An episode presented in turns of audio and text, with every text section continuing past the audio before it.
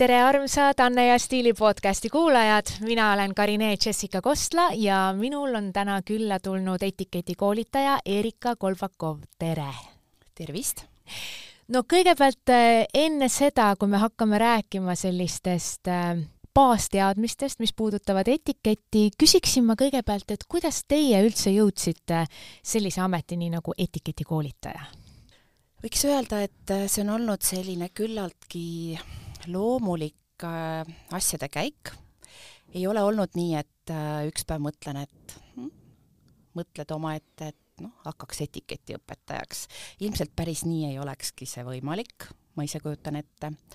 aga minu juurde on see kõik jõudnud kuidagi väga loomulikku rada pidi äh, olles palju seotud varasemas professionaalses töös, noh, see jääb juba nüüd sinna kakskümmend viis pluss aastat tagasi hotelli- ja restoranimajandusega, kus me pidime väga palju teadma etiketist, edasi viis minu teekond noh, oli vaja korraldada igasuguseid erinevaid üritusi, vastuvõtte, formaalseid, vähem formaalseid. Ja see juba nõudis nagu veel eriti selliseid lisateadmisi kus meid siis koolitati, kus me siis iseennast koolitasime ja lõpuks mingi hetk hakati mind kutsuma seltskondadele rääkima etiketist.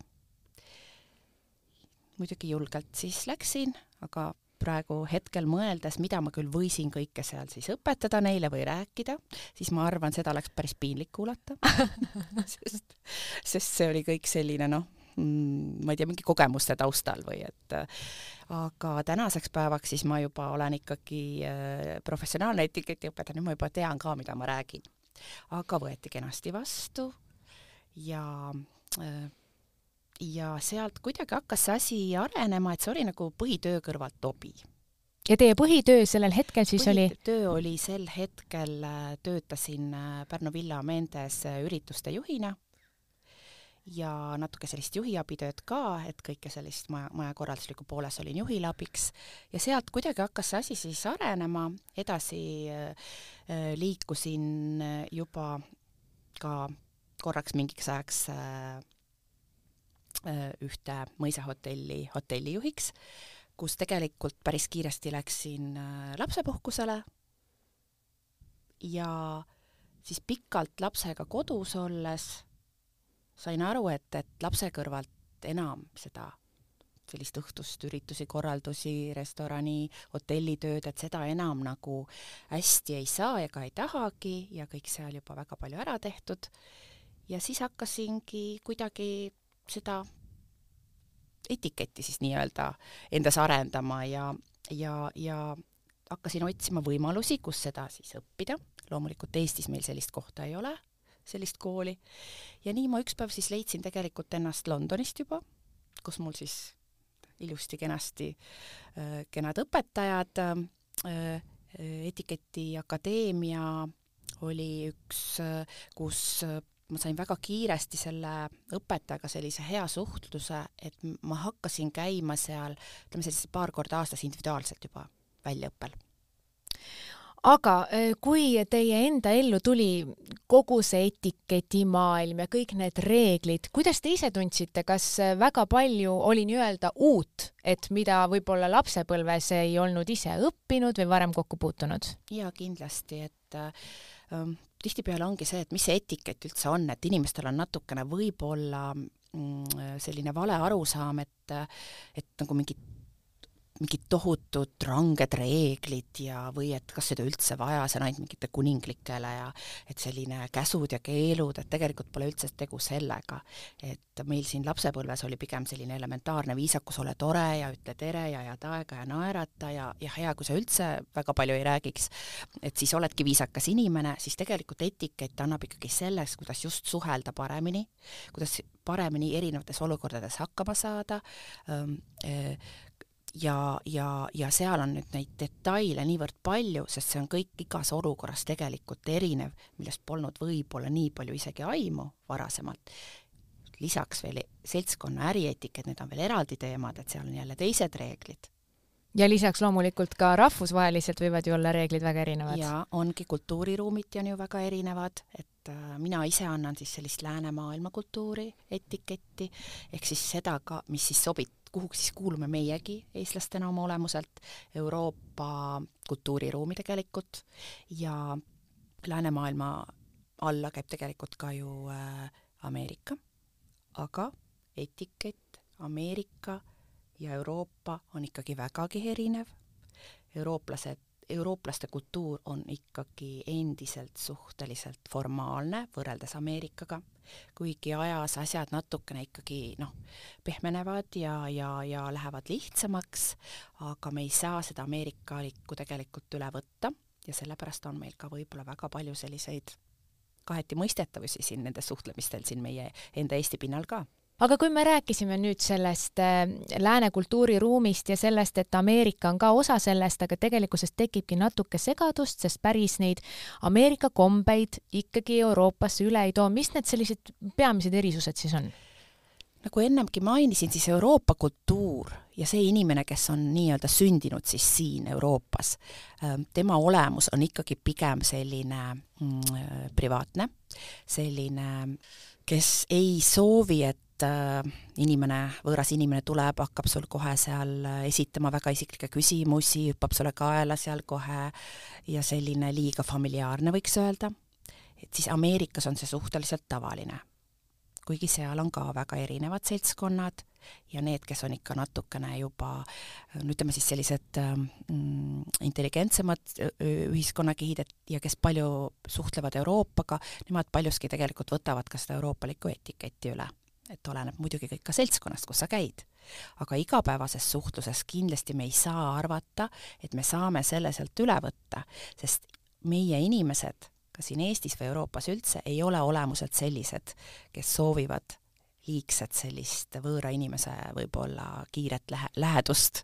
no kui me nüüd selle näite toome, siis võib ju mõelda, et eestlased on äh, me ka ise teeme selle kohta nalja, et me oleme kohe eriti sellised, hindame privaatsust, oma ja. ruumi. mina võin ise öelda, et ma, üks minu lemmik eestlaslikke nii-öelda siis omadusi või see, mis on eestlastele omane, on see, et kui sa lähed ühistransporti, siis kui sina võtad endale istekoha ja seal kõrval on vaba koht ja tuleb uus inimene, siis tema vaatab ka seda kohta, kus oleks vaba koht, mitte ei prantsata su kõrvale. et see on see, mida meie tajume, ise juba teame, anname seda ruumi. aga sellega võib tekkida ka, ma räägin mitte Ameerikas, sest Ameerika on nüüd nagu täitsa teine äärmus, just rääkisime, aga ka teistes Euroopa riikides mingil määral, kas me võime jätta ebaviisaka mulje sellega, et tegelikult me lihtsalt hindame oma ruumi ei, kindlasti mitte, Euroopas me kindlasti ei jäta. Äh, loomulikult me peame hindama iga seltskonda eraldi. ja, ja, ja nagu me isegi ju, et, et oma sõprade, perega me olemegi ju äh, noh, nii vabades suhetes, et äh, me noh, võtame ennast palju vabamalt kui võõrama inimesega, see on täiesti loomulik. aga vastupidi, et siis me oleme lugupidavad ja kogu asi ongi lugupidamises, mitte selles, et reegel reegli pärast vaid see kõik kokku, mida etikett annabki, see vastastikune lugupidamine, vastastikune austus ja see ongi vastastike suhete, heade suhete loomine ja nüüd noh, üks teema näiteks on seesama sina ja teie. ja mis on meil siis nüüd nii, et inimesed ei saagi aru, et kas me siis võime sinatada kohe kõiki võõraid või ei või. siis tegelikkuses noh, mm, ikkagi igat võõrast inimest me teietame, täiskasvanute puhul siis täiskasvanute maailmas, ja lapsed ka siis loomulikult võõraid täiskasvanuid, see reegel on endiselt olemas, valimatu sinatamine ei ole tegelikult viisakas. Ja kui nüüd võtta need teised Euroopa riigid, võtame siis sellised arenenud kultuurriigid, Prantsusmaa, Saksamaa, Itaalia, tegelikult ka Venemaal, igal pool on see sina ja teie olemas ja see natuke võib-olla on ka inglise keelest tulnud üks ju kõik. Mm. -hmm samas riigiti, näiteks Rootsis on see juba selline ühiskondlik kokkulepe, et me seal sinatame, aga tegelikkuses siis äh, jah, et kui me nüüd läheksime näiteks sinna, näiteks Prantsusmaale ja hakkaksime ameerikalikult kohe seal sinatama ja ka musitamine, mis neil omavahel kombeks on, siis me ei jäta head muljet. Ja tegelikult me oleme nende arvates lugupidamatud, mitte sõbralikud sest sõbralikkust ei peeta, Inglismaa tegelikult on formaalsem ingliskeelsetest riikidest võrreldes Ameerikaga, mm, kus on ka ju tegelikult see üks ju kõik mm -hmm. noh, keeleliselt, siis seal mängivad kohe rolli tiitlid. Ehk siis saab kohe aru, kas see ju on pigem sina või teie, et see, see, see, kuidas sa suhtled ja kuidas sa pöördud, see määratleb seal ära selle aga miks niimoodi on, et eh, kui mõelda võib-olla teiste riikide peale, kus väga tavapärane on võõra inimese poole pöörduda, et jah, proua või aitäh, härra, miks meil eesti keeles seda enam ei ole?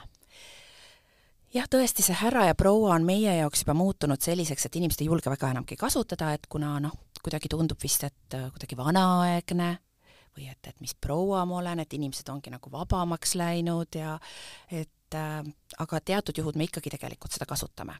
Mõned, mõned äh, olukorrad, kus me teisiti lihtsalt ei saa ja kindlasti ka ütleme juba seal kuskil seal diplomaatias või kõrgemal tasandil, seal ministrite tasanditel ikka ütleme selle härra ja proua sinna ministri ette, kus võib-olla neid nimesid kohe nii ei öeldagi välja, et oleneb jälle, mis situatsioon on, aga äh, et kuidagi äh, jah, see kultuur on nii läinud ja aga me siiski saame seda lugupidamist siis ikkagi läbi selle teie nüüd hoida, sest et me peame ikkagi tajuma seda mm,, seda distantsi nii-öelda siis äh, seda lugupidavat distantsi, aru saama, kus, mida, millal on viisakas. Ja eestlased, ükskõik, kellega mina rääkinud olen, nii minu kliendid kui niisama suhtlusseltskonnas, ütlevad, neile ei meeldi see sinatamine ja otsese selline familiaarne pöördumine, kui ma ei tunne seda inimest jah, tegelikult see on ju midagi, mis on väga palju muutunud suisa ka kohvikutes, restoranides nii-öelda ettekandja ja, ja külalise suhtluses. et siinkohal ju küsin lihtsalt arvamust, et, et kui klient eeldab seda, et ettekandja teda teietab, siis tegelikult kui ka klient ei tunne ettekandjat, siis see võiks olla ju ikkagi vastastikune või? jaa, loomulikult on see vastastikune ja, ja tegelikult me alati teeme kokkulepped ka kui me tahame minna teie pealt sina peale, aga ainult siis, kui meil on see mingisugune pikemaajaline selline kohtumine või, või kohtumised, mitte nii, et, et ma hakkan selle kliendi teenindajaga seal kokku leppima, et sel hetkel ei ole see oluline, see, et ma käin korra söömas või poes kuskil poemüüjaga, aga kliendi teenindaja peab alati teadma, et äh, ta ei tohi kunagi äh, päris nagu ähm, või ütleme nii, et ta peab alati klienti tõstma endast nagu kõrgemale, lugupidav olema ja, ja see teie on siis see, mis aitab teda ennast ka, et ta ei tee viga. jäädes formaalseks, teed sa alati õigesti. sest sellega sa kaitsed ka iseennast, kuna sa ei tea, kas sellele kliendile meeldib nii või naa, aga tegelikult ta ei tohiks üldse hakata nii mõtlema, ta peab teadma, et see on teie ja, ja, ja kui mõni klient tõesti tunneb puudutatuna, no las ta siis ütleb, et ära mind siin teie ette, et, et või tähendab noh, viisakamalt, et mm, -hmm. et võib mind julgelt sinatada. aga, aga tegelikkuses äh, väga paljud kliendid ei lähe enam nendesse kohtadesse tagasi, ütlevad, mulle ei meeldi, et on liiga familiaarne teenindus mm.. nii et tegelikult see on mõttekoht kohvikutele ja restoranidele. absoluutselt. aga kui me nüüd teietamisest juba rääkisime, mis kindlasti võiks ka olla üks osa ju sellisest äh, baasteadmistest, mis on veel need teemad, mida mhm. võiks ikkagi igaüks teada, mis puudutab etiketti? noh, etiketi alla käib väga palju teemasid, ütleme siis suhtlemine, käitumine, riietumine, lauakombed. seda kõike võiks kõik loomulikult teada see annaks eh, endale ka enesekindlust erinevates situatsioonides paremini hakkama saada. noh, kindlasti võiks teada, kuidas on tervitamise reeglid, kes, keda, millal esimesena, jälle oleneb situatsioonist, tutvustamise reeglid, mm, kätlemise reeglid, kes ikka annab sul seal esimesena käe, mitte nii, et lähen ükskõik kus pikalt käsi ees, ehk siis kui ma ei tea reegleid, siis ma tegelikult teen ju asju juhuslikult aga see juhuslik tegemine võib teisele poolele mõjuda nii, et äh, ma ei saa isegi aru, et ma olen midagi valesti teinud või võib-olla ka millegagi solvanud lausa aga kuidas siis on õige, kes peaks teretama ja kes peaks kätlema, mis need õiged reeglid on? endiselt on meil ikkagi see traditsiooniline lähenemine, et mees ütleb naisele ennem tere, seltskonnaelus, eks, või ütleme siis selles igapäevaelus ja seltskonna etiketi järgi. noorem inimene vanemale laps täiskasvanule, aga käe annab siiski esimesena naine või vanem inimene, mitte mees. naine või vanem inimene, kes on siis viisakusreeglite järgi ähm, äh, aukohal kõik inimesed, mehed on ka loomulikult aukohal, inimestena oleme kõik võrdsed, aga nüüd nende viisakusreeglite järgi äh, käib see siis ikkagi nii, et, äh, et nüüd see, kes seal aukohal on, tema otsustab, kas tuleb füüsiline kontakt või ei tule. ja töömaailmas, seal on nüüd nii, kus enam sugu ja vanust ei rõhutata, seal käib kõik asi positsiooni järgi kus on jällegi aga palju-palju selle ümber selliseid soovitusi etiketis tegelikult, kus siis äh, anda nagu siis ka sellele võib-olla kõrgemale positsioonile siis äh, mõista, et ega ta ei pea igal pool jällegi seda oma positsiooni rõhutama. Et kuidas seda kõike teha nii, et kõik tunnevad ennast hästi, samas on need positsioonid on nagunii olemas.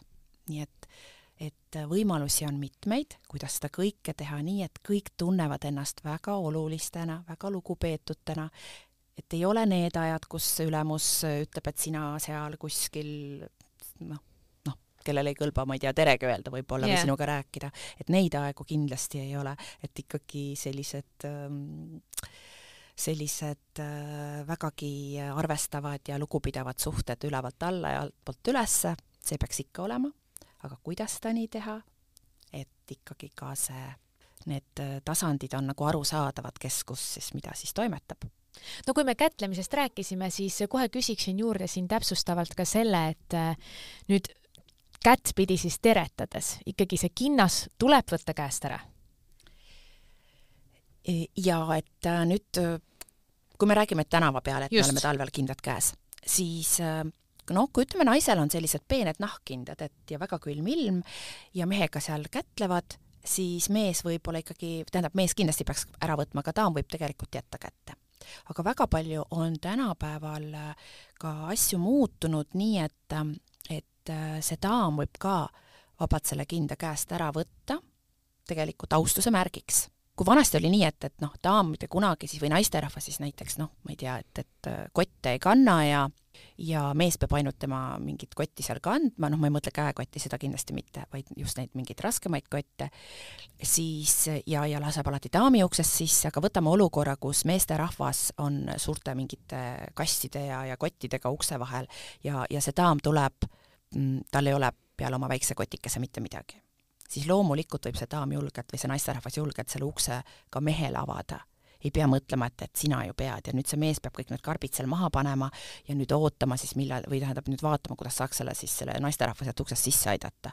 et vot, vot, vot natukene need asjad on äh, läinud ka ikkagi sinnapoole, et et tihtipeale ikkagi aitab teist see, kes parasjagu siis äh, on selles mugavamas positsioonis, et ei pea kinni jääma sinna, et sina oled mees ja pead mulle kõike tegema, sellepärast et sa oled mees aga iseenesest need mängureeglid, need ilusad žestid, lugupidamisavaldused ikkagi need meeste ja naiste vahel äh, vastastikus suhtluses võiksid endiselt ikkagi olemas olla ja eriti pikka kiiret tööpäeva, kus ka naised on väga tegusad ja iseseisvad.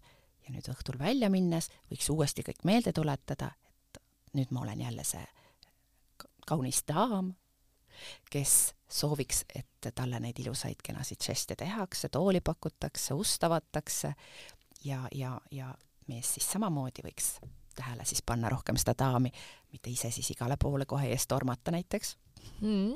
aga me rääkisime siin ka tutvustamisest, mis tuleb ja. väga tihti seltskonnas ette ja võib-olla ma räägin äh, täitsa oma kogemuse pealt, aga ma julgen väita, et mitmed meie kuulajad on olnud sarnases olukorras, kus ollakse seltskonnas ja väga tihti ollakse seltskonnas mõne inimesega mitu korda ja siis nähakse tänava peal ja tegelikult ei oska isegi kuidagi käituda, sest kordagi pole neid ametlikult tutvustatud, ehkki nad on olnud samas seltskonnas. tänu sotsiaalmeediale me väga tihti teame, kes on kes, kes on kelle sõbrad, aga otseselt ei tutvustata ja ma olen kuna ma ise selliseid olukordi ei salli, siis tihti ma võtan selle rolli, et tutvustada ja siis võib juhtuda ka see, et oih, me juba teame, ma eelistan pigem seda, et mina jään rumalasse olukorda, kui et minu kahel tuttaval tekib see tänava peal seismise olukord, kus nüüd ei tea, kas teretada või mitte. no kuidas oleks õige siis tegelikult seltskonnas äh, tutvustamise puhul käituda?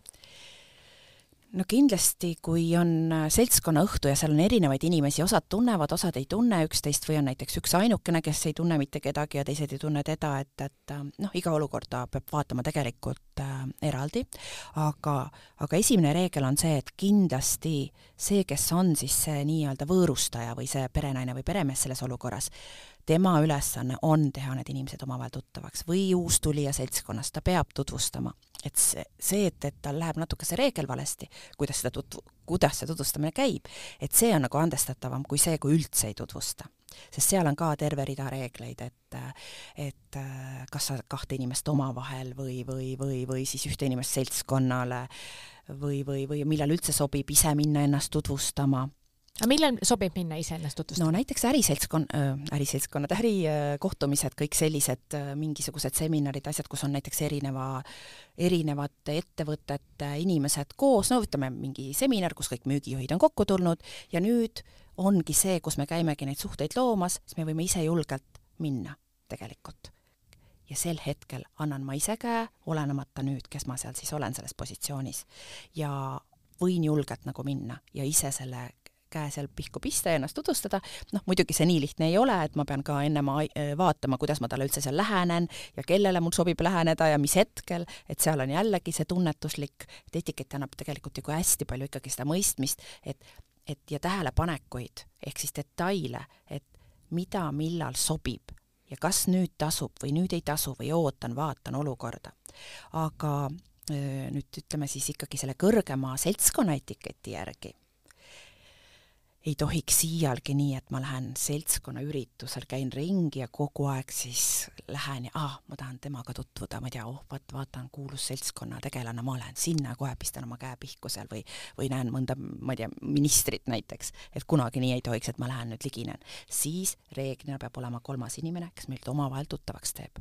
ja seal on jälle omad reeglid, kes, kellele, keda kellele tutvustatakse, kes nüüd siis selle käe annab nii et nagu aru saada, ega see etikett nii lihtne ei olegi. tuleme tagasi sellise täitsa lihtsama äh, kohtumise juurde, ütleme, et see ei olegi kohtumine, see on selline sündmus, ollakse koos näiteks mingil peol, kõik koos, kõik üksteist ei tunne. Ja siis ole, või võtame, võtame isegi natukene lihtsamalt selle, et kaks inimest omavahel vestlevad seal peol ja saabub kolmas inimene ja oletame siis, et ainult üks neist tunneb, neil tekib omavahel vestlus. Ja siis võib ju väga lihtsalt juhtuda, et see kolmas tunneb ennast veidi kõrvalejäetuna, no kuidas peaks selles olukorras käituma, et see kolmas ei tunneks niimoodi? Siis loomulikult on see, et, et see, kes tunneb, peab kohe ikkagi võtma initsiatiivi ja tutvustama sellele kolmandale, kes need, kes neid siis omavahel ei tunne, et, et kolmandale sellele vestluspartnerile. ja kuidas sinna siis üldse siis läheneda, kui kaks räägivad, siis tegelikult etiketi järgi ega me väga ei tohi minnagi sinna, kus kaks räägivad nii et, et seal on jälle see teema, et kui kaks inimest omavahel räägivad, siis jälgige kehakeelt. kui nad on näha, et väga privaatne vestlus, et ehk siis kehad on otse üksteisega vastamisi, siis pigem minge sinna seltskonda, kus on kolm või rohkem või, või kõige parem, kui keegi üksi seisab, siis kõige parem on minna sinna, siis ta ka nagu üksinda, et siis saate, saate leida siis sellise võrdse, võrdse variandi ja, ja ei lähe ka kellegi jutu vahele. aga kui need kaks on äh, selliselt, et nende kehakeel on nagu avatud. Noh, ütleme, noh, see on kohe näha, et nad seisavad nii, et vaatavad vahepeal sinna saali poole ja, ja kuidas need jalad ja asjad näitavad kõik selle ära, et siis, siis loomulikult võib. Aga tegelikkuses nii, et, et ma tunnen kedagi, kohe torman sinna, siis see ongi nüüd see, et mina, mina, mina tahan, mina lähen, ilma mõtlemata. ka kohvikus kusagil te näete kahte tuttavat või ühte tuttavat, kes istub kellegi teie jaoks võõraga, siis samamoodi, ega me ei tohi ju sinna kohe minna. pigem kui silmad kohtuvad, korra naeratan, noogutan tervituseks, aga saan aru, et nad on kohtumas ja nüüd ei sobi mul minna kohe sinna ja, ja veel vähem haarata tooli ja kohe sinna ka istuda, kui mind ei ole palutud. et, et jällegi selline noh, peame kogu aeg jälgima, mis olukord on ja, ja noh, kui juhtume nii, siis lähme istume vaikselt seal hoopis seal kõrvallauas ja ja võib-olla tekib ka see moment, et märkame üksteist ja et oi, et tule meie juurde julgelt ja noh nii et, et ikka kogu aeg see väike mõtlemine, mitte nii, et mina arvan, et ma võin igale poole minna. no me mainisime siin ka, et üks osa etiketist on ka lauakombed. räägime ja. nendest ka natukene lähemalt, mis võiks olla see abc, mida iga inimene teab? lauakommete puhul siis äh, noh, kõigepealt, et kellel, äh, milline inimene on kõige paremate lauakommetega? see, kelle puhul, kui me temaga kohtumisel seal ühise söögilaua tagant ära läheme, siis me ei mäletagi, kas tal üldse nugakahvel käes oli. sest siis ta tegi järelikult kõike nii hästi, et meelde jäi ta ise, tema isiksus, tema jutt ja mis ongi kõikide olukordade põhieesmärk. ka riietuse puhul on sama. kui ma olen antud mingis kontekstis üle- või alariietunud, siis äh, läheb tähelepanu minu isiksuselt ära. et kui tulevad minu riided näiteks ainult üle pakutud mingis situatsioonis, näiteks äris kuskil, eks, lähen nagu, ma ei tea, diskopeole mm. -hmm. et siis äh, miks on mi,, miks etikett annab ka näiteks ärirõivas seesama, et, et, et, et mitte tähelepanu ära tõmmata sellelt, mida me tegema oleme tulnud. sellepärast ongi need soovitused. olgu see ka klienditeenindaja restoranis. et äh, ta ei lähe ennast näitama, ta läheb teenindama sinna.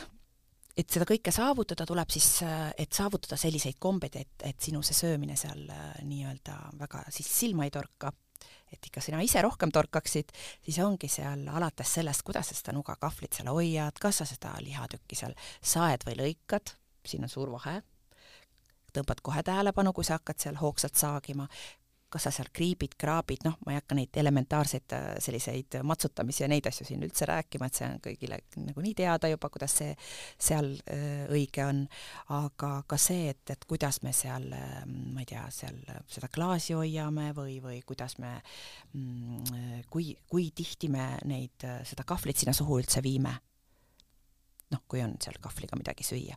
ehk siis, kui ma lähen kellegiga või, või ütleme nii, et kui me läheme seltskonna üritusele kus, millega kaasneb söök, siis meie esimene mõte on see, et me läheme sinna midagi tähistama, kedagi õnnitlema, me ei lähe sööma ega jooma mm. -hmm. olgu, ja see on ka võib-olla seesama individuaalne kohtumine kuskil restoranis või, või äri, ärilõunal. ehk siis meie tähelepanu on hoopis mujal, nendel inimestel aga me alati teame, et kui me läheme sinna söögilauda kusagile, et seal või, või üritusele, et seal alati sellega kaasneb see hea söök ja jook. aga nüüd on kindlasti vaja mm, ennast nagu ikkagi siis jälgida selles mõttes, et et ma kohe siis seda sööki nähes ei lähe kõike kohe haarama. nii ka seal söögilauas tavalises, et nii kui toit ees, et ma ei hakka kohe sööma, kui toit ees on. vaid ma ennem jälgin, kas teistel on ka see toit ees et ma kogu aeg olen lugupidav selles suhtes, et me alustame koos ja, ja söömise ajal seal vaatan jälgin, kui kaugel ma olen sellest inimesest, et, et me ka lõpetame koos enam-vähem, mitte nii, et noh, üks väga tavaline viga, mida tehakse, on see, et äh, mõni saab hästi kiiresti taldriku tühjaks. eriti, kui on veel selline kohtumine, kus ei ole kiire-kiire ühine lõuna lihtsalt töökaaslased lähevad sööma, söövadki võib-olla kiiresti ära, jooksevad kõik tööle tagasi. aga just see, et me olemegi kellega kokku saanud ja nüüd ta sööb selle taldriku sekundiga tühjaks, siis mis edasi saab? mis see teine siis peab tegema? mis see teine siis peab tegema? see teine peab ka ju nüüd siis, saab aru, et issand, ma pean ka nüüd kiirustama, et ebamugav üksi nüüd edasi süüa nii et äh, seal ümber on jah, väga-väga palju neid detaile, mida jälgida, et mitte mõjuda siis sellisena, et ma sain ka nüüd lõpuks süüa, vaid ma ikka tulin kellegagi kokku saama ja tähelepanu on sellel inimesel rohkem. no me rääkisime ka pokaali hoidmisest. Ja. mis reeglid on need, mis seal on, mida peaks teadma? Äh, kõik pokaalid, ütleme siis veini ja šampanja pokaalid, äh, nad on üldiselt ju jalaga ja kui on juba pokaalil jalg, siis me hoiame alati jalast suu puudutab meil ainult ühte kohta klaasist, mitte tervet, keerleb see klaas seal käes ja terve äär on meie huulejälgi või huulepulga jälgi täis, et natuke ju alati jääb sinna mingi jäljekene. parem on, kui ei jää. aga kindlasti ei hakka seda me näppudega, salvrätikutega nühkima puhtaks. nii et tehke enne ettevalmistused ära, et, et jääks vähem. ja, ja juues vaatame klaasil äh, allapoole kla-, nagu noh, ei pea seda pilku päris sinna sisse puurima, aga sel hetkel, kui sa jood, ei vaata teistele otsa samal hetkel, kui sa ei soovi, et sul väga ilusad sellised toredad punnsilmad tuleksid. Et, et seal on veel oma, omaette nipp, aga üldine on see, et, et me hoiame pokaali jalast ja kui on seltskonnaüritus, kus on, mis on püstijala, siis ringi liikudes hoiame seda vasakus käes, et parem käsi oleks vajadusel meil kenasti kätlemiseks vaba ja kohe elegantne ulatada no me oleme rääkinud siin nüüd lauakommetest ja tutvumistest ja ka seltskonna sündmustest ja tegelikult üks väga pidulik sündmus on kohe-kohe aset leidmas. see on äh, Eesti Vabariigi presidendi vastuvõtt sellel aastal traditsioonilist äh, kätlemist ei ole, aga kindlasti on ka seal tutvumist ja ikkagi käe andmist, kindlasti on seal bankett, aga seal on ka alati äh, mõnes mõttes justkui moeparaad, sest ikkagi väga teravalt vaadatakse, mis on seljas. ja seal on ju ikkagi ka omad reeglid, kuna tegemist nii piduliku sündmusega on. mis on need A ja O, mida peaks silmas pidama, kui ollakse mine-, minekul siis presidendi vastuvõtule mm? -hmm iga ürituse puhul me alustame kõigepealt kutsest, me peame lugema ja oskama lugeda seda kutset ja aru ja vaatama, mis seal siis kirjas on. ja väga ametlikud formaalsed üritused, nii nagu on ka presidendi vastuvõtt, nõua, nõue on see, et seal on kirjas ka märge dress code'ile.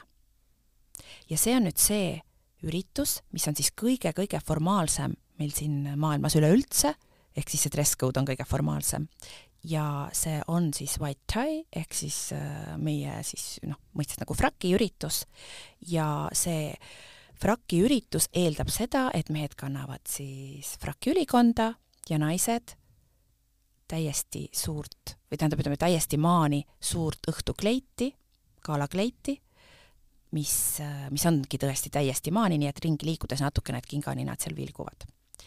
ja tegu on siis kuninglike ja diplomaatiliste ürituste äh, dress code'iga, et rohkem tegelikult frakki mujal ei kantagi, et kui sellistel, sellistel üritustel. ja tegu on ju meil ka tegelikult sellise diplomaatilise vastuvõtuga, nii et äh, ja meie presidendi kantselei on ka ju määratlenud ära, et see on fraki üritus, nüüd küll Eestis meil on äh, lubatud ja ma loodan, et see on alati ka kutse peal kirjas, sest see peab siis sel juhul kutse peal kirjas olema, on lubatud ka tume ülikond. ehk siis kutse peal on alati kirjas meesterahva koodinimetus ja naised peavad siis aru saama, mida selga panna selle järgi. endiselt on nii ja noh, ütleme nii, et meie meestel siin lihtsalt neid frakke ei ole sealt kapist lihtsalt võtta ja siis meil põhimõtteliselt võib-olla keegi tuleks kohale ka, kui see oleks nii range frakk, fraki üritus. ja nüüd see tume ülikond äh, on mehel seljas, aga see nüüd ei ole see, et ma panen sinna nüüd selle valge kikilipsu, mis on siis frakil. või musta kikilipsu, mis on siis smokingu koodi juures tegelikult. ehk siis nüüd peaks panema täiesti selle traditsioonilise klassikalise lipsu sinna. aga naine kannab ikka täiesti suurt õhtukleiti endiselt kas see tähendab seda, et tegelikult pannes nüüd see valge lips sinna, siis on etiketi vastu eksimine? jaa, täiesti, sest nüüd on ju nagu kaks koodi kokku pandud et, et natukene midagi võtame frakist, natuke võtame midagi sealt, ehk siis noh, siis on selline segapudru, mis kindlasti ei ole hea stiili näide ega, ega, ega ka etiketi järgne. et pange siis juba konkreetselt klassikaline lips ette ja juba on kõik väga hästi. Kleit on siis täiesti maani, aga tegelikult äh, paljastada õlga või, või dekoteed või selga, noh, maitsekat paljastada on täiesti lubatud see on see meie teema siin iga aasta. igal aastal, et kas ikkagi võivad olla käsivarred paljad ja kas ikkagi võib selg olla paljas, nii et tegelikult tohib. tegelikult tohib ja etiketi järgi on kõik vägagi paigas ja juba ka balansi mõttes, et ähm, nii nagu igapäevarõivastusel naine võiks valida, et kui ma alt tahan paljastada, näiteks miniseelikuga kõndida, siis ma pean ülevalt kinni panema noh, kin-, kinnisemalt midagi selga panema. ja, ja vastupidi, et kui ma tahan dekoteed rohkem paljastada, siis see on alt kinni. ja selle kleidi juures on kõik need äh, balansid ilusti kaetud, loomulikult see paljastamine peab olema maitsekas, äh, et ta oleks ikkagi nagu sellise väga formaalse vastuvõtu jaoks kohane. ja kui me nüüd teame, et meil siin Eestis siiski eeldatakse ja oodatakse pigem seda, et ei oleks nii väga seda paljastust seal, siis tasuks äh, juba teha ikkagi see kleit, kus noh, natukene, natukene siis on, on, on veidi kinnisem või mingi väike jakikene selle, selle kleidikese peale. aga miks see nii on? miks me Eestis eeldame, et parem on, kui on ikkagi väga kaetud? et, äh, et vot jäängi täiesti vastuse võlgu, kust see tulnud on. ma olen ka enda Londoni õpetaja käest seda küsinud, et kas siis seal kätlemisel siis peaks olema et eeldatakse kätlemisel, et mina ja. olen siis soovitanud, et kätlemisel pange oma klientidel, aga pärast siis, kui soovid, et noh, see kleit täies mahus oleks selline, nagu ta on loodud, et siis, siis pärast siis, kui see palliosa või see tantsuosa, et siis võtke ära. ja minu õpetaja vaatas suurte silmadega otsa, mul on seal isegi kaks õpetajat, noh, mõlemad vaatasid suurte silmadega otsa et noh, et et ikka võib ja vaadake, kui te nüüd guugeldate ja vaatate, et neid kuninganna vastuvõtte ja siis te näete, et, et äh, prouad kõik käivad seal, ei pea olema ju lahti, kinni võib ka olla, natuke peab naha olukorda ka vaatama. et kuninganna ju kõrge vanuseni ju meil siin käis, käis vastuvõttudel ja, ja temal oli ju mm, lausa pikkade käistega kleit seljas. noh, see on ju arusaadav, et teatud vanuses sa ei saa enam lihtsalt endale neid paljastusi lubada, et esteetiline vaatepilt ka püsiks aga tegelikkuses etiketi järgi on kõik paigas ja pallikleidid on läbi sajandite olnud kogu aeg ikka kerge õlapaljastusega aga eh, mida te soovitate, te mainisite siin korra, et võib minna nii-öelda rohkem kaetuna, noh, meil sel korral pole sellist kätlemist, aga oletame, et kui oleks, et et õlad on kaetud ja siis pärast ära võtta, kas see tähendab, et võiks olla kleidi juures sobiv jakike, õlasall, mida teie soovitaksite? Eh, pigem ikka jakike, õlasall on, äh, ta on esiteks hästi ebamugav ta on väga ebamugav, ta hakkab sealt kuskilt õla pealt äh, ja kätlemise ajal ja kuskilt sealt äh, maha kukkuma, siis sa hakkad seda seal päästma ja ja, ja niigi natukene on ebakindel tunne ja selline noh, selline situatsioon, kus keegi ei lähe väga enesekindlalt, ma arvan, ja kui teatakse, et kõik veel filmivad ja pildistavad ka, nii et, et see pigem, see ei ole seal väga ilus. et äh, aga jah, et mingi sihuke jaki moodi on pigem või siis noh, kohe ongi selline kleit, millel on kõik need, need nõuded siis ka kaetud ma küsin vahepeal juurde. Eh, ma küsin sellise asja juurde, kui me kleitidest rääkisime, et jaa, et see on maani, selg võib olla paljas, et siin tuleb nüüd jälgida, et kuidas ja mis. kuidas on lood lõhikutega? ei soovita tegelikult ei soovita? ei soovita ja või noh, võib-olla kui selline natukene vabam äh, smoki vastuvõtt, mis siis ka äh, äh, võimaldab kanda neid pikki kleite ja siis võib-olla seal, kui see väga sobib ja kõik, aga iseenesest äh, jah, ei, sinna, sinna seda lõhikut kindlasti kohe ei soovita. me räägime nüüd sellisest paljastavast lõhikust, ma eeldan, et ja, seda ei soovita, et, et kleidile tehtud lõhik, mis on tehtud selleks, et ja. samm oleks nii-öelda piisavalt pikk, see vist on okei okay.? nojah, kui ta on selliselt noh, natuke voogavam kleit ja seal on see kuskil see kõndimise lõhik, et ta mm -hmm. niimoodi ei ole sul keha ümber see kleit väga ja, ja et, et siis seal, kui ta niimoodi väga välja ei paista, siis loomulikult on ikka lubatud aga mõte mhm. just siis selles, et nii-öelda ei oleks selline pikk lõhik, mis võib-olla nagu, jalasäärt kuidagi eksponeerib. see vintsud on kõik paljad ja, ja seda kindlasti mitte. ja mis äh, naised kindlasti veel võiksid meeles pidada, et äh, tegu on ikkagi ühe kõige formaalsema üritusega, iga formaalne ametlik üritus nõuab kinniseid kingi. see ei ole koht, kus lähed varbaid näitama kleit võib nad seal küll ära katta, aga kõndides ikkagi, ikkagi on nad ju nähtaval. et sinna ei minda rihmikutega, sellistega, kus sul varbad paljad on. ja nüüd mul tuli meelde, mis ma tahtsin veel rääkida, oli see, et, et, et kui ma rääkisin sellest, meil on lubatud ka see tume ülikond, et ka sellest ma olen öö, oma nii-öelda kolleegidega seal Londonis vestelnud ja nad väga ilusti tõid näite ära, et kui on fraki vastuvõtt, siis on fraki vastuvõtt sest teisel juhul sa ju tegelikult madaldad seda üritust, no nendel on veel vahepeal see veel üks kood, mis on ainult äh, Suurbritannias, on siis see morning coat või noh, ütleme see päevane frakk, siis madaldaksid tegelikult mingi kolm-neli astet kohe. ehk siis põhimõtteliselt see tume ülikond on ka ju äriülikond, et sa tuled siis nagu frakki vastuvõtule äriülikonnas. räägime korraks need äh, tasemed ka läbi. jaa. tasemed on siis noh, meie igapäevane casual, mm -hmm. kõige tavalisem, noh, need on dressid, tossud, mis meil, dressid vanasti mul loomulikult ei olnud, et tänapäeval on siis dressid ka, et et, et hetkemood. see on kõik see teksa ja see hästi vaba, vaba, vaba, mis on valdavaks saanud meil juba igal pool. järgmine on siis smart casual, mis on siis, juba peame teadma, et seal natukene rohkem läbi mõtlema ja vaatama, kas see on formaalsem variant, natuke vähem formaalsem, mis seltskond, kus see toimub, aga iseenesest tegelikkuses seal ka teksasid, koodi, puhta koodi järgimise järgi teksasid seal ei ole. kuigi seda annab neid teksasid kanda seal selle pintsaku ja triiksärgiga meestel näiteks, nii et tuleb väga ilus smart casual kokku mm. -hmm. aga iseenesest kood ise ütleb ei, ei, ei. nii et nüüd on jälle vaja tervet mõistust, aru saada, vaadata, võib-olla tume teksa siis, kui panen, või meestel väga ilus püks olemas, chinos tüüpi püks, mis on alati väga elegantne ja sobib selle koodi juures väga suurepäraselt. ja naistel, jah, naiste puhul siis ka, et äh, nüüd sealt smart casualsed naised siis äh, peavad vaatama, et nüüd see siis üks samm edasi siis nendest teksadest ja tossudest mm. -hmm. ja edasi ongi tume ülikond, tegelikult seesama tume ülikond, mis ei ole musta värvi ja ja naistel siis jällegi naistel on natukene keerulisem, et mees saab tihtipeale oma ülikonnaga kõik kohad ära käia, vahetab seal särke, aga, aga naised peavad nüüd vaatama, kas on päevane ametlik vastuvõtt. kas ta nüüd läheb kuskile kokteilipeole, et seal kohe hakkab see kleidi stiil mängima. ja vot nüüd see päevane ametlik vastuvõtt on see, kus me ei tohi panna neid, või tähendab, ei tohiks neid paljastusi seal, neid õlgu ja dekoteesid. vot see on see koht. Ja loomulikult kinnine king ja sukk nüüd kui võtta mm, Suurbritannia kõikide ko-, kõik koodid näiteks panna ritta, siis tuleks vahepeal siis see morning dress, see on see päevane kuninglikud igast pulmad ja kuni kella kuueni on see ainult. ka saba kuuega, aga natukene, et see lõige kõik on teistmoodi kui see õhtune frakk et päevane frakk, frakki ülikond, võiks öelda. ja kus siis see, see on see, kus naised käivad nende kübarate peakaunistustega ja see on ka kella, kella kuueni kõik, et neid ei kanta peale kuut, õhtul hakkavad teised üritused.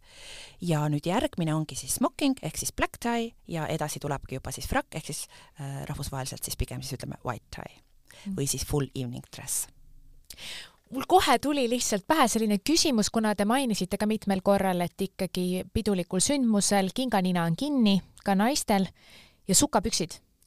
kui on kinnine king, siis on ka sukk äh,, sukk, jah. tähendab, kui on sukk, siis on kinnine king niipidi mm. -hmm. et kui me tahame rihmikuid kanda, siis sukki ei kanta selles on asi. ja vahepeal on mingid moed käivad, trendid käivad siin, et siis iga inimene peab ise vaatama, et kas tal sobib etiketeerata selles, selles situatsioonis. et mitte nii, et, et lähed ainult trendidega, siis võid väga piinlikku olukorda sattuda. Äh, aga äh, nüüd panin tähele, et sõna oli, et kui pidulik üritus peab olema kinnine king, et see ei ole päris nii, et mitte igal pidulikul üritusel mm. -hmm kinnine king on ikkagi formaalsetel ametlikel üritustel. kui te lähete kokteilipeole kuskile, ma ei tea, suviselt lähete kellegi pulma, restorani, te võite julgelt kanda neid rihmikkingi ja ilma sukkadeta minna. aga pruut peab teadma, et on alati sukad jalas vot sellele ma tahtsingi jõuda, et ikkagi tegelikult, kui on siis see kinnine king ja formaalne sündmus, siis võib olla õues väga soe ilm, aga sukk on jalas. jah, täpselt nii ja, ja tegelikult ka ärimaailmas me ei käi kuskil ilma sukkadeta mm. -hmm. teenindajad ei tule paljasõärega. ja nii edasi ja nii edasi. seal on omad mõjud, sest tegelikult me kogu aeg mõjutame üksteist ja etikett aitabki aru saada ja lahe ja panna inimesi tundma selliselt, et, et mõlemad pooled tunnevad ennast hästi, et see mõte, kõik, kogu mõte on selles, mitte reegel reegli pärast, et keegi on kuskil kuri pani teile, et oleks raskem. et asjad lähevad palju kergemaks, kui tunned etiketti. asjad lähevad kergemaks, kui tunned etiketti, need reeglid on selleks, et meil oleks lihtsam endal. oleks lihtsam aru saada, sest tänapäeva infoühiskonnas me võime ka ise loomulikult hakata ju kuskilt midagi seal guugeldama ja me saame nii palju vasteid, et me läheme veel rohkem segadusse. ja sellepärast ongi hea tunda ja teada, et kuidas meid tegelikult oodatakse. ja kui ma nüüd natuke pluss üks, miinus siia-sinna natukene seda etiketti rikun, kui ma oskan rikkuda, mitte nii, et ma lihtsalt otsustan ise muuta etiketti, seda ei saa, vaid natuke rikkuda kas natuke rikkuda võib tähendada seda, et lähed näiteks formaalsele sündmusele kinnise kingaga, aga ikkagi sukka ei pane? Suvine aeg. seda nüüd, vot see on see koht, kus ei, ei, ei saa. Okay.. vot siin ei saa rikkuda, et mm, -hmm. et on mõned, et ütleme nii, kõik need, mis on seotud selliste väga traditsioonide, klassika ja, ja konservatiivsete alade või üritustega, vot see on see koht, kus me ei saa seda teha. seal peab kõik see paika jääma. Ja need on juba väga pikka aega, need nõuded kestnud, aga näiteks ma toon teile näite, et smoking, millel juures, nagu teate, on selline siidvöö meestel. Siis vot seda nüüd tänapäeval. vot siin võib juba mees natukene vaadata, kas ta paneb või ei pane selle, et nii palju on see lihtsustunud. sest prints William Briti kuningakojast mingi hetk hakkas käima ilma selle siidvööta, see, mis on see black tie nii-öelda selline klassika. aga püksirihma ka ei pane, püksid peavad kuidagi üleval ju seisma. siis on traksid loomulikult seal pintsaku all seda pintsakut maha me ei võta. ja, ja, ja vot tema hakkas käima ja nüüd see on märk, et meie võime ka. mitte nii, et meie siin hakkame muutma neid koode, need tulevad sealt. kõrgemalt poolt ühesõnaga. kõrgemalt poolt ma tahtsin natukene rääkida ka naiste jumestusest. me mm -hmm. rääkisime siin päevastest sündmustest, kus äh, ei ole sobilik äh, ja üleüldiselt äh, ma saan aru, üks etiketireegleid ikkagi on see, et kui sa oled nii-öelda üleriietatud, see on samamoodi etiketivastane, et et kui me räägime jumestuse puhul sellisest asjast nagu punane huulepulk mm, -hmm. mis väga paljusid naisi tihti aitab, sest et see on automaatselt annab efekti ja, ja hea tunde, kas päevasel üritusel on see sobilik? Jaa, et, et see keelatud kohe kindlasti ei ole. me peame lihtsalt nagu jällegi vaatama selle sündmuse järgi, et mida me, mida, mida me seal siis, kui, mida me endast nagu sealt rohkem siis, siis nii-öelda mm, välja tahame paista lasta, aga, aga iseenesest, kui kõik muud asjad on seal paigas ja, ja ei ole korraga hästi tugevad mõlemad silmad ja suu näiteks, eh, siis mm, silmadele natuke vähem, huultele rohkem ja kui see on väga efektne, seda inimest kaunistab, teeb teda stiilsemaks, siis see ei ole min-, midagi sellist, et, et, et üldse ei tohi, et tohib ikka, tohib ikka punast panna ka. aga see punane, kas see on sinu värvipaletiga sobiv punane ja et peaasi, et ta siis ei ole jah, seal mingisugune neoonne ja selline väga selline ekstravagantne, et ikkagi ta peab selle inimesega konkreetselt ja tema juuste ja naha ja kõigega ka sobima aga kui tuleme korraks tagasi veel presidendi vastuvõtu juurde, mis on väga formaalne sündmus, me rääkisime kleitidest, aga juuksed, kuidas peaks suhtuma soengusse? presidendi vastuvõtt, äh, nagu rääkisime, on äh, siis see kõige formaalsem fraki vastuvõtt ja seal äh, on ka tantsupidu. ja see kood nüüd eeldab seda, et meie juuksed tegelikult on pigem kinni. nii et, et selle eesmärk on see, et see on, see on ka see kood, kus saab kõik oma briljandid välja tuua. noh, tänapäeval ei ole ka nii, et nüüd ei tohiks üldse muul ajal siis, ma ei tea, kanda neid säravaid ehteid, et tohib ikka jälle maitsekat, ise, ise pead vaatama, kus sobitub, aga mm, et et, et siis sinu ilusti need geleidi juurde koos noh, need kuuluvad need kõrvarõngad paistavad paremini silma ja ja siis see võib-olla, kui sa natukene siit oled seda dekoteed paljastanud, kõik toob selle, selle, selle ülemise poole siis selle kaela ja kõik ilusti kenasti välja ja, ja annab juurde ja, ja pidu, pidulikkust rõhutab see kinnine soeng. ja teiseks, kui seal tantsitakse, siis see ei ole hea tava, et sa seal keerutad ja siis sinu juuksed lendlevad kusagil seal võib-olla ka kõrval tantsijatele seal pihta, et et, et peab ikkagi seda ka jälgima ja samas äh, miks mitte siis, kui sul on juba pikad juuksed ja kui sul on juba kutse sellisele üritusele, miks mitte siis minna siis hästi nagu selle koodi nagu soovituste järgi ja miks mitte siis ennast nii pidulikuks ähm, äh, ilusti kaunistada, et et kindlasti, et kellel need pikad juuksed on, et pigem kinni. ja kindlasti veel mida, et ja see on muudel juhtudel ka, mitte ainult seal, et kui mul on näiteks hästi pitsiline kleit siis ei tasu teha mingeid suuri lokke, mis langevad sinna pitside peale, siis hakkavad need juuksed ja need pitsid seal omavahel konkureerima. et kui ma tahan natuke lookilisemat, siis mul, siis mul on äh, kleit natukene võib-olla selline noh, minimalistlikum või vastupidi. nii et, äh, et neid asju tasuks ka stiili ühtsuse mõttes vaadata, aga kindlasti parema mulje jätab ikkagi see, kui meie juuksed ei, ei, ei lehvi seal kuskil poolde selga. sellel üritusel pean silmas aga kui me nüüd mõtleme üleüldse laiemalt terve Eesti pildi peale, siis teie kui eksperdi hinnangul, mis on need peamised vead, mille vastu eksitakse? jah, et eks ma neid olen juba väga palju siin välja ka toonud, ütleme üks oligi see, et, et see valimatu sinatamine kindlasti, mille vastu pidevalt eksitakse. Ehm, jah, noh, see pidev oma telefonidega sahmerdamine on see, mis on võib-olla tänapäeval võiks välja tuua teema, et, et kui me läheme kellegagi kokku saama siis meie tähelepanu on sellel inimesel. tema on sel hetkel tähtsam kui see, kes meil seal võib-olla mingit sõnumit parasjagu saadab. et me peame oma asjad suutma korraldada nii, et me ei sahmerda seal telefonis.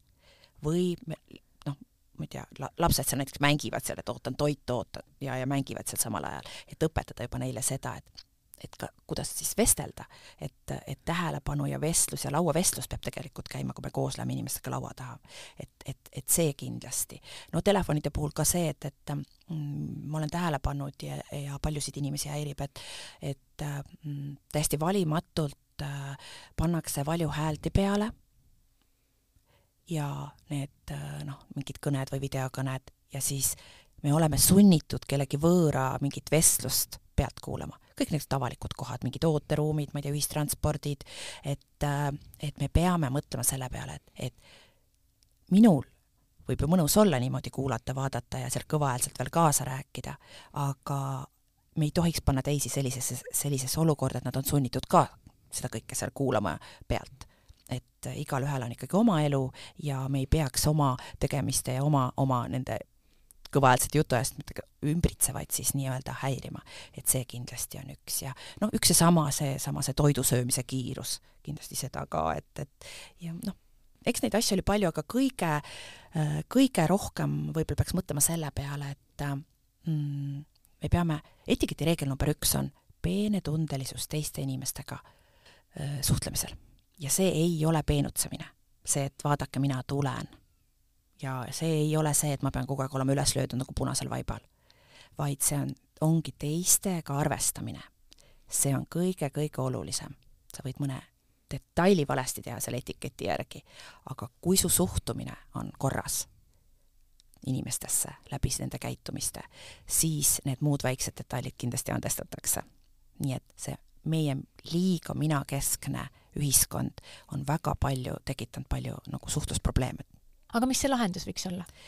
lahendus ongi see, et ma pean natuke ikkagi aru saama, et, et maailm ei keerle minu ümber. et pigem ikkagi äh, arvestada ka rohkem teistega enda ümber. mitte nii, et mina tahan, mina teen aitäh, ma arvan, et väga paljud meie kuulajad ja mina samamoodi sai siit väga palju mõtteid, millega arvestada, mida tähele panna. Suur aitäh, Erika, et te jagasite oma mõtteid ja teadmisi Anne ja Stiili podcasti kuulajatega. ja suur aitäh teile kutsumast!